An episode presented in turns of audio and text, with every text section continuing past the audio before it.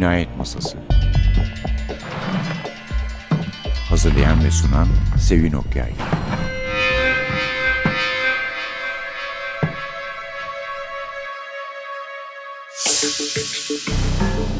Merhaba, NTV Radyo'nun Cinayet Masası programına hoş geldiniz.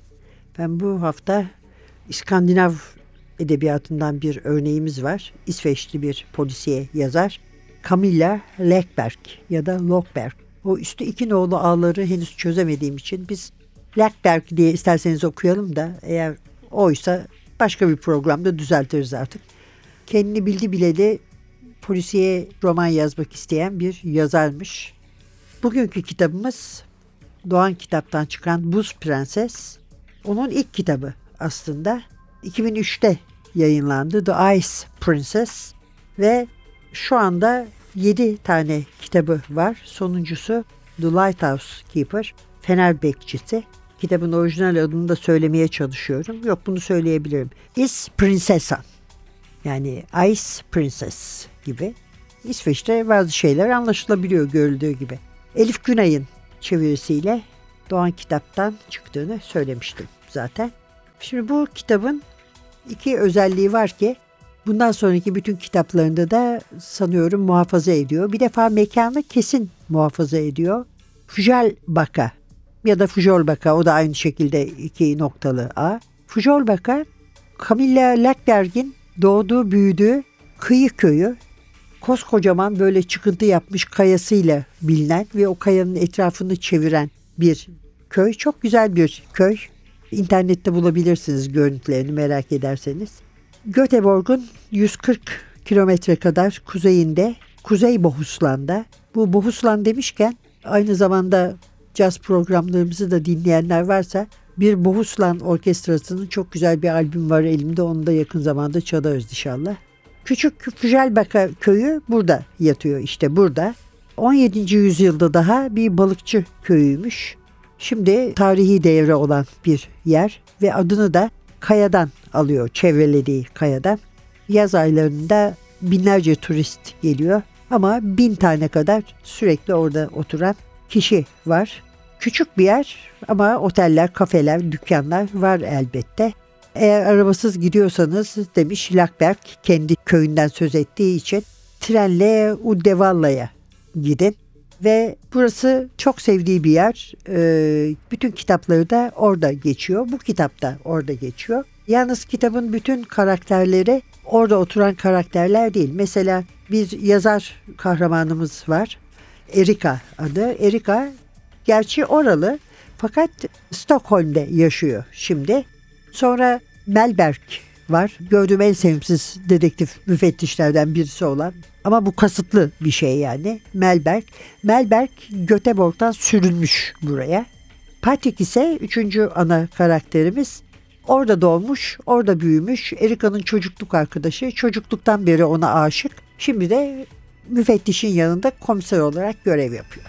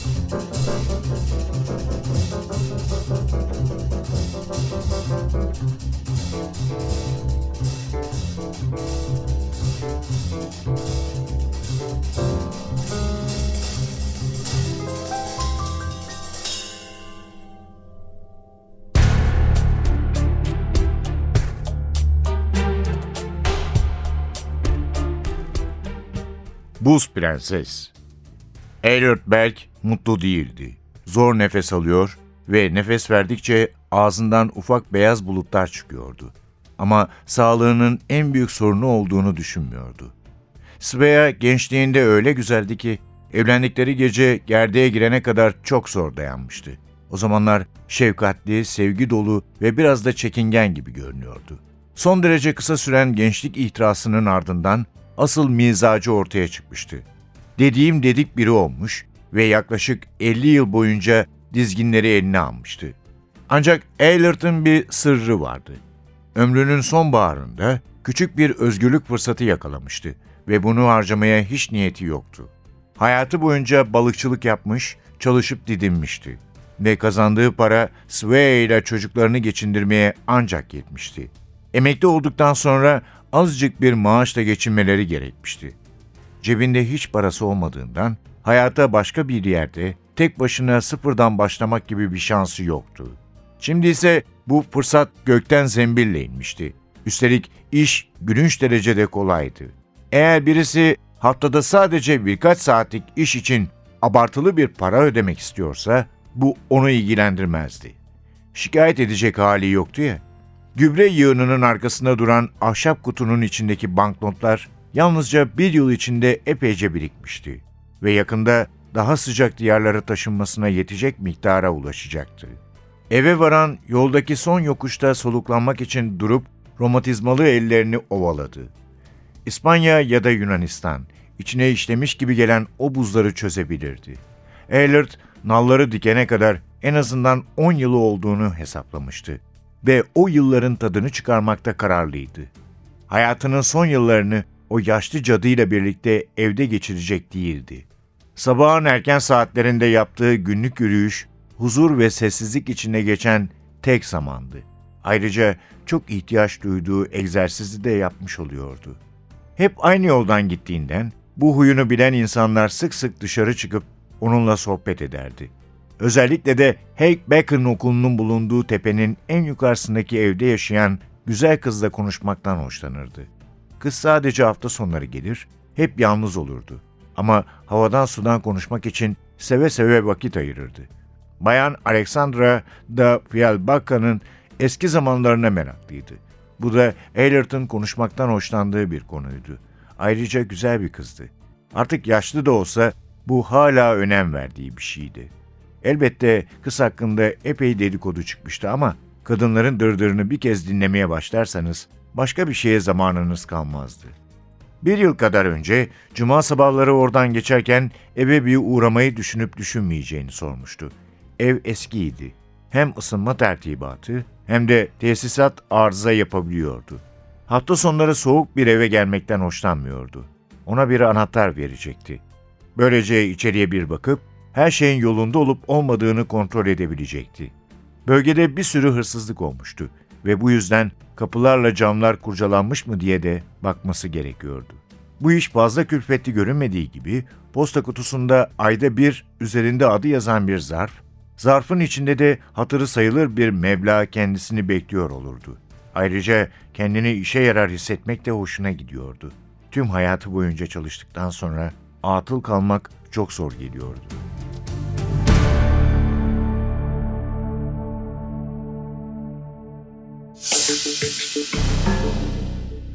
Buz Prenses kitabımız, yazarımız Camilla Lackberg. İkinci karakterlerden biriyle başlıyor kitabımız. Aslında hoş bir şekilde onunla da bitecek. Bu Eilert Berg adlı bir karakter. Evliliğinden memnun değil. Hayatı boyunca balıkçılık yapmış, çalışmış, didinmiş. Ama para biriktirmeye başlamış sonra. Karısının dırdırından o kadar bezmiş ki kaçıp artık kafasını dinlemek istiyor geri kalan yıllarında. Ama o gün bir işi var. Köyde güzel bir kız var Alexandra. Fujalbeke'nin eski günlerine meraklı araştırmalar yapıyor. Kendisi de orada doğmuş birisi. O da erken yaşta Stockholm'e gitmiş aniden. Sadece hafta sonları geliyor. Sohbet etmeyi seviyor. Onun için Aylert'te onun için iş yapmayı seviyor. Bir ısınma sorunu var. Isınma tertibatı arıza yapabildiği için anahtarı veriyor ona. Hafta sonları geldiğinde sıcak olsun kontrol etsin diye. Ama bu sefer Aylert geldiğinde bulamıyor. Kızı evde. Anahtarın nerede olduğunu bildiği için paspasın altında kapıyı açıp içeri giriyor. Odaları arıyor. Tam olmadığına karar vermiş çıkacakken banyoya da bir bakayım diyor. Evde hiç ses olmaması zaten biraz moralini bozmuş ve kapıyı açmasıyla birlikte yaşının el verdiğince bir hızla ön kapıya doğru koşmaya başlaması bir oluyor. Çünkü tahmin edeceğiniz gibi banyoda bir ceset var. Alexandra'nın cesedi. Bilekleri kesilmiş, her tarafı kan bürümüş. Banyoda beyaz fayans olduğu için bütün bütün dikkati çekiyor. Kendini dışarı atıyor ve o sırada yoldan geçen okuldan Alex'in eski arkadaşı, en iyi arkadaşı, kan kardeşi Erika'yı, yazarımızı yani görüyor. Onu içeri çağırıp ona da gösteriyor durumu ve sonunda polis geliyor. Polis Alex'in annesi e, ile babasını bir de kocasını davet ediyor karakola. Baba gelmiyor. Anneyle koca gidiyorlar ve biz de böylece dedektifimiz Melberg'i tanıma fırsatı elde ediyoruz. Camilla'nın ilk sinopsisinde Buz Prensesi için Melberg şöyle tarif ediliyormuş. Son derece nahoş ve yetersiz. Buna rağmen kendini Tanrı'nın insanlığa, kadınlara ve polise armağanı gibi görüyor. Uzun yıllar çalıştığı Göteborg'dan gelmiş ama usulsüz davranışlar nedeniyle bu tür suçlamalarla her ne kadar ispat edilemese de onu Fücerbaka'ya postalamışlar. Saçları dökülüyor. Saçların döküldüğünü belli etmemek için fark edilmeyeceğini sanarak tam başının tepesinde bir karga yuvası gibi biriktiriyor onları. Yalnız bazı heyecanlı anlarda yana kaçabiliyor. Neşeli sonuçlar doğuruyor diyelim. Bir de şişman bir adam, göbekli, boğazına düşkün. Aynı zamanda çok da kaba ve terbiyesiz, tembel. Yani akla gelebilecek her şey var. Kahveyi sürekli olarak üstüne döküyor. Gömleğine çünkü o kadar göbeği var ki gömleğini pantolonun içine sokmayı başardığı anlar nadir.